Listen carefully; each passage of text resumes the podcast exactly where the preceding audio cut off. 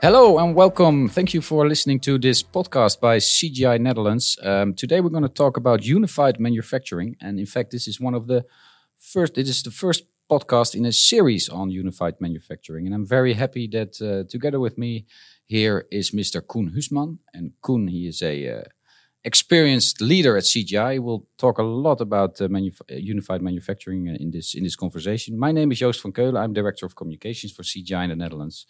And uh, yeah, thanks again for for joining us. And I hope you will enjoy this uh, this episode on unified manufacturing. Coen, welcome. Great to have you here. Yeah, thank you for having me, uh, yes, Joost. of course, of course. It's really a pleasure. Yeah. Can you tell us something about your uh, career at CGI so far? What's your role, your current role, and how did you grow to be what you are? Yeah, so my career in uh, CGI started three years ago, unlike many of the other co direct colleagues. So you're even fresher than I am. That's great. That's exactly. great. Uh, yeah. So uh, three years ago, I joined CGI to lead the uh, manufacturing team of CGI, and that's a group of 90 people who are really focused on the function manufacturing. So together with this team, we help to automate factories. We help to uh, select and implement systems to run factories. And we generate a lot of data out of the factories with new technologies. And with that, we uh, we help the uh, help our clients to make big improvements. All right. So, and you're you're vice president manufacturer. What is what's what's your function title? Your role? Yeah. So um, what's on your I'm, business card? I'm vice president manufacturing. Oh, really? Yeah. cool. So you have a team of 90 people based in the Netherlands, all of them? All of them based in the Netherlands. On top of that, we have a team in India that is working dedicated for us uh, on a distance to help support the systems and our clients on a 24 7 basis. Cool. So, 24 hours a day, uh, clients can call us around the world. So, we also have some people in the US. Nice. Yeah. Nice. So, uh, yeah, of course, everybody who, who, listens to the podcast knows CGI, 90,000 people worldwide. Uh, we are a very big IT company. And uh, yeah, so uh, the, the unified manufacturing branch. Um, can you tell us something about well the, the current developments in this in this world? Because we're talking about factories and big factories. So, you know, people when they think of IT, they think about people in, in laptops and you know doing all stuff with all sorts of stuff with uh, with screens. But this is manufacturing. This is about products being made, real products Yeah. people can touch. Indeed, we so we are what we say we are uh, with safe and uh, secure solutions in the core of our manufacturing clients, and our manufacturing clients are clients like, for example, DSM or uh, Friesland Campina or Danone or Sabic, uh, all uh, clients of us. They have factories all around all around the world, and uh, and also here in the Netherlands. And in these factories, we see that uh, there's a lot of automation. Uh, many of these factories have been existing for a long time. Yes, Uh, and that's an issue. I, I, can feel it coming right now. yeah, and that, and that is where we uh, where we see our challenge. Uh, so uh, there are several challenges in manufacturing. So uh, one of them is uh, how can we continuously improve output? yes, But nowadays, more and more people are starting to ask, "Hey, how can we produce in a more sustainable way?" yes, and how we can, can we produce in an increasingly safe way. And uh, with new technologies coming up, see that uh, factories uh, are becoming an increasingly safer place. But uh, that's because we don't want the people in the factory, we want people around the factory. Yeah. And uh, Yeah. that is uh, that is what we uh, that is our vision on uh, on on manufacturing. Uh, So you'll be needing a lot more IT in the factories itself to replace the people that used to work there. uh, and to support the people. support um. Yeah. So yeah. many people uh, who work in factories, they uh, and th- there's always a lot of uh, there. Are, there are machines. There are uh, there are by nature dangerous places, Yes. And these factories uh, they can also be run uh, from a distance in a more clean environment, uh, uh, in a more automated environment, and And a Yes, more there efficient envi- environment, Exactly. I think. Yeah. All right. All right. And this is where I where your guys come in into these factories and they, you know, get all the data out of it. They automate a lot of more a lot of machines. Is that, that how I can see it?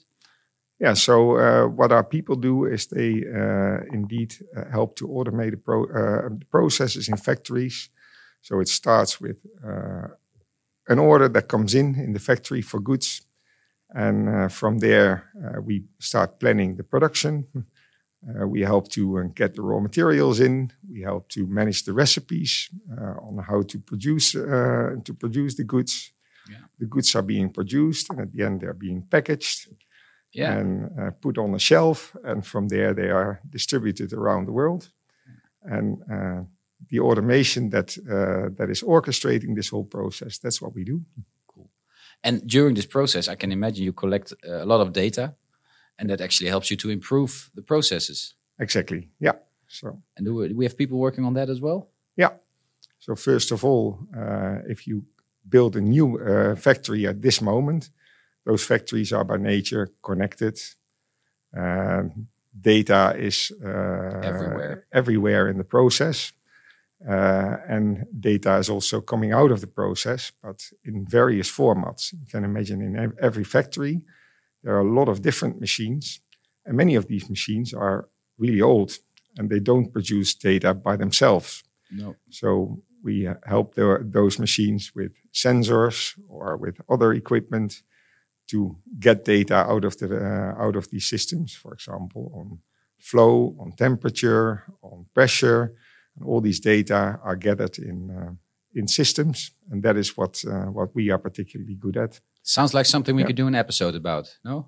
For sure. Yeah, and, uh, I'm pretty I think, sure we'll do um, that. My yeah. colleague uh, Marcel Maurits is uh, glad to talk about that in the next version. All right, yeah. we'll we'll talk to him soon then. So another thing you, you triggered me. Um, all these factories they are connected right now. You say, doesn't that bring a security issue as well?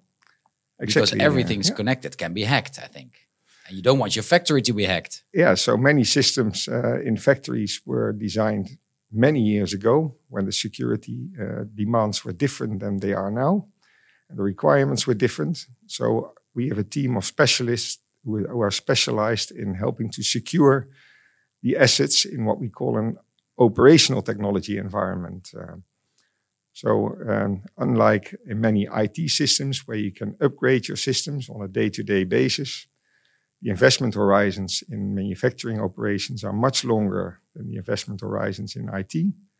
So, uh, you don't have a, have a computer that's more than a couple of years old. No, that's too old. And yeah. a system that's, uh, that's much older. So, continuously yeah. there are updates like virus uh, scanners they don't necessarily run on operational technology environments. So we have to secure them in different ways. Should we be worried?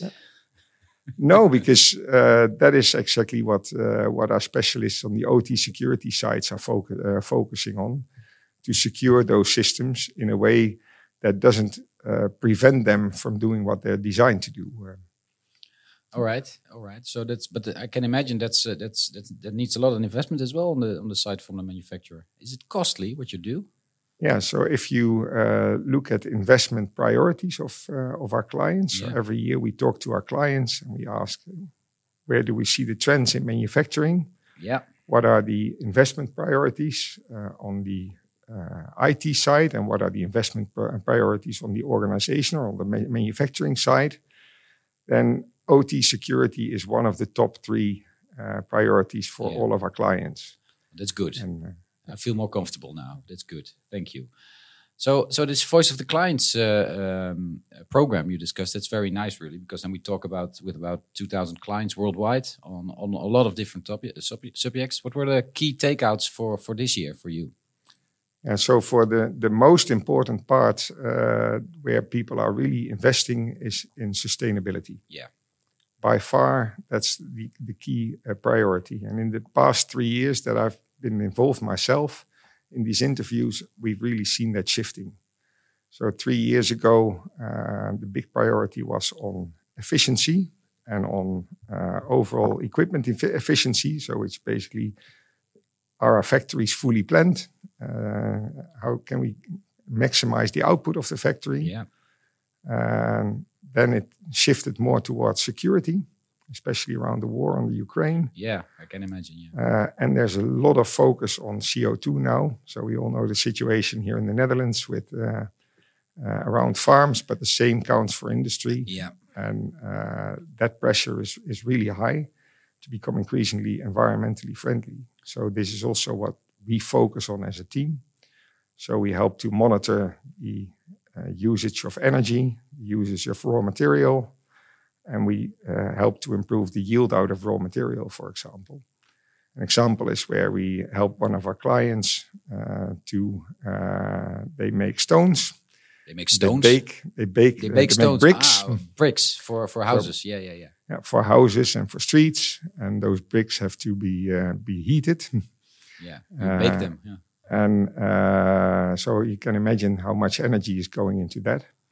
And by monitoring where the energy is used and what the output of the, the product is, what the, the best quality, uh, gen- uh, what generates the best quality bricks, uh, we actually help them to save mo- more than 10% of their energy usage. Ten in, percent. uh, That's a lot. I can imagine for them as well, specifically with these prices. Exactly. And, uh, and with the shortage of gas, that's, uh, this is uh, a huge helps. impact. Yeah, yeah, yeah. Great. So then IT actually helps making the world a better place, really. Absolutely, um, and that's also my call uh, to many of uh, of the young, um, um, many young talent. Huh? So uh, a while ago, I spoke on a university, and Which they asked me on the University of Eindhoven. Eindhoven, yes, yes. And they asked me why would I work in manufacturing because they're not environmentally sustainable. I said, well, if there's any place where you can make a real impact on sustainability, it's in manufacturing. yeah, This is the kind of impact that we can help to make. cool, cool. Sounds like you've learned a lot the last couple of years, uh, Coen. Definitely, uh, yeah. All right. So um, within CGI, we have these 90,000 very smart people working through all, all over the world for all kinds of clients. Um, but the center of excellence, of expertise, what's it called? Expertise, excellence? the center of excellence for Excellence for manufacturing. manufacturing. Yeah, That's you and your guys, isn't it? Worldwide. that's true. Yeah. So, what does that mean?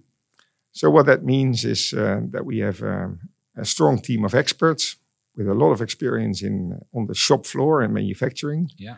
and that's a very long uh, long experience. So we have a well-developed methodology that we call Manufacturing Atlas. Manufacturing Atlas. So Manufacturing Atlas is our methodology that we use to help improve processes in manufacturing, help to select the right systems, and help to help our clients to become more and more mature. And um, that maturity, what that is, is uh, we see that uh, people are, uh, sorry, that our, our clients want to be more and more digital. Yeah. Uh, they want to become more environmentally friendly. They want to become a better place for people to work in manufacturing. Yeah. Uh, they want to cooperate more together. And for that, they use processes, they use systems, and they have an organizational model. And we help them to, yeah, to make the right steps at the right moment in time. That's what we do with manufacturing atlas. That's nice. That's nice. And this is COE, so you get calls all over the world. Help us uh, uh, for for this client. That that's really Yeah. nice. I can imagine talking to Canada, ask when they when Canada calls you if you if they want to know something. That's good. That's yeah, on a regular basis, and uh, and we um, and we also uh, do that in reverse, of course. But we cooperate heavily with our people around the world.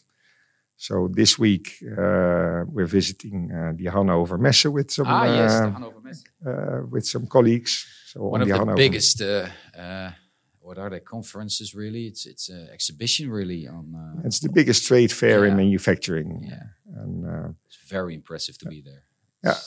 Nice. So, uh, but there, there we uh, we are meeting with a lot of clients that are coming from all over the world. Here, we meet them on the on the Hannover Messe, but we also at this moment have people uh, who are helping clients in I think 14 countries at the same Wow. time. That's nice. So That's people nice. in China, Very so- international. yeah, Cool.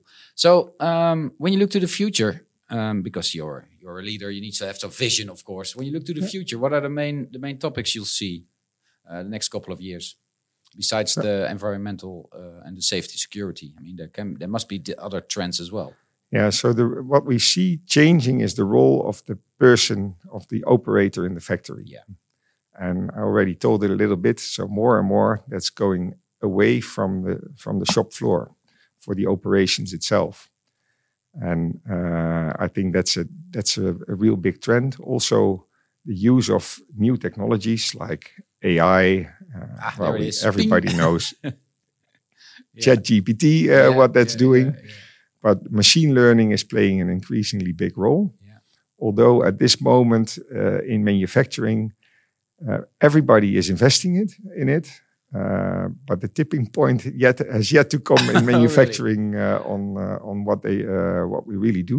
But everybody is experimenting with it, and we do see the first results coming up, uh, especially now on the data side. And of course, everybody knows robotics play an, yeah. a huge role. now, there's a lot of AI behind that. Uh, but these new technologies, they, they play an enormous, an enormously big role. But the, the main difference is that it's uh, also being put in place for a purpose. So purpose is, is uh, sustainability and the people. That yeah. is really, uh, I think, the, the, the key changing uh, thing in manufacturing that it is yeah, beyond what everybody talks about, Industry 4.0 or Industry 5.0, all of these technologies we we use them, but uh, but this is really changing fast in manufacturing. All right, sounds very sounds a very like a very cool um, well sector to work in. Yeah, for me, it's, it's the uh, coolest. I think this, uh, coolest, yeah. yeah. So we uh, we always say we want to be the best place for uh, for people with manufacturing uh, with passion for manufacturing to work in. But I think yeah, this is this is really a good place to work in, and we see a lot of young people who are getting attracted by it, but especially because of these reasons that I just uh, I can discussed. imagine. Yeah. I can imagine. You still need people for your team. Yeah, so every month we have one or two new people starting at this moment, and uh, we um, put the aim on the table to double in a couple of years. So, uh, oh, so yeah, we are people, still looking. So, right. Yeah. so, uh, anyone listening to this podcast, they can always contact you. For sure. For a cup of coffee. Yeah. Yes, please. All right. Great. Great.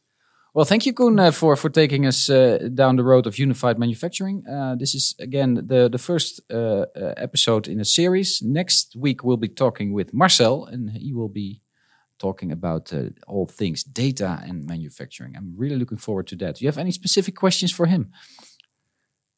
Yeah, I talked to him on a almost daily basis, so I have many questions for him. but I I hope he will he will answer the question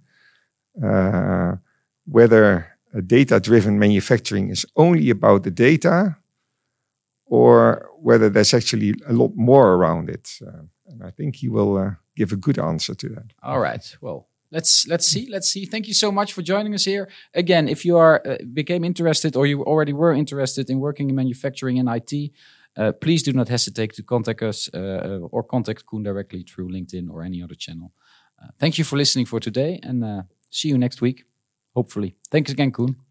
Thanks, Joost. It was a nice conversation. Thanks. Bye bye.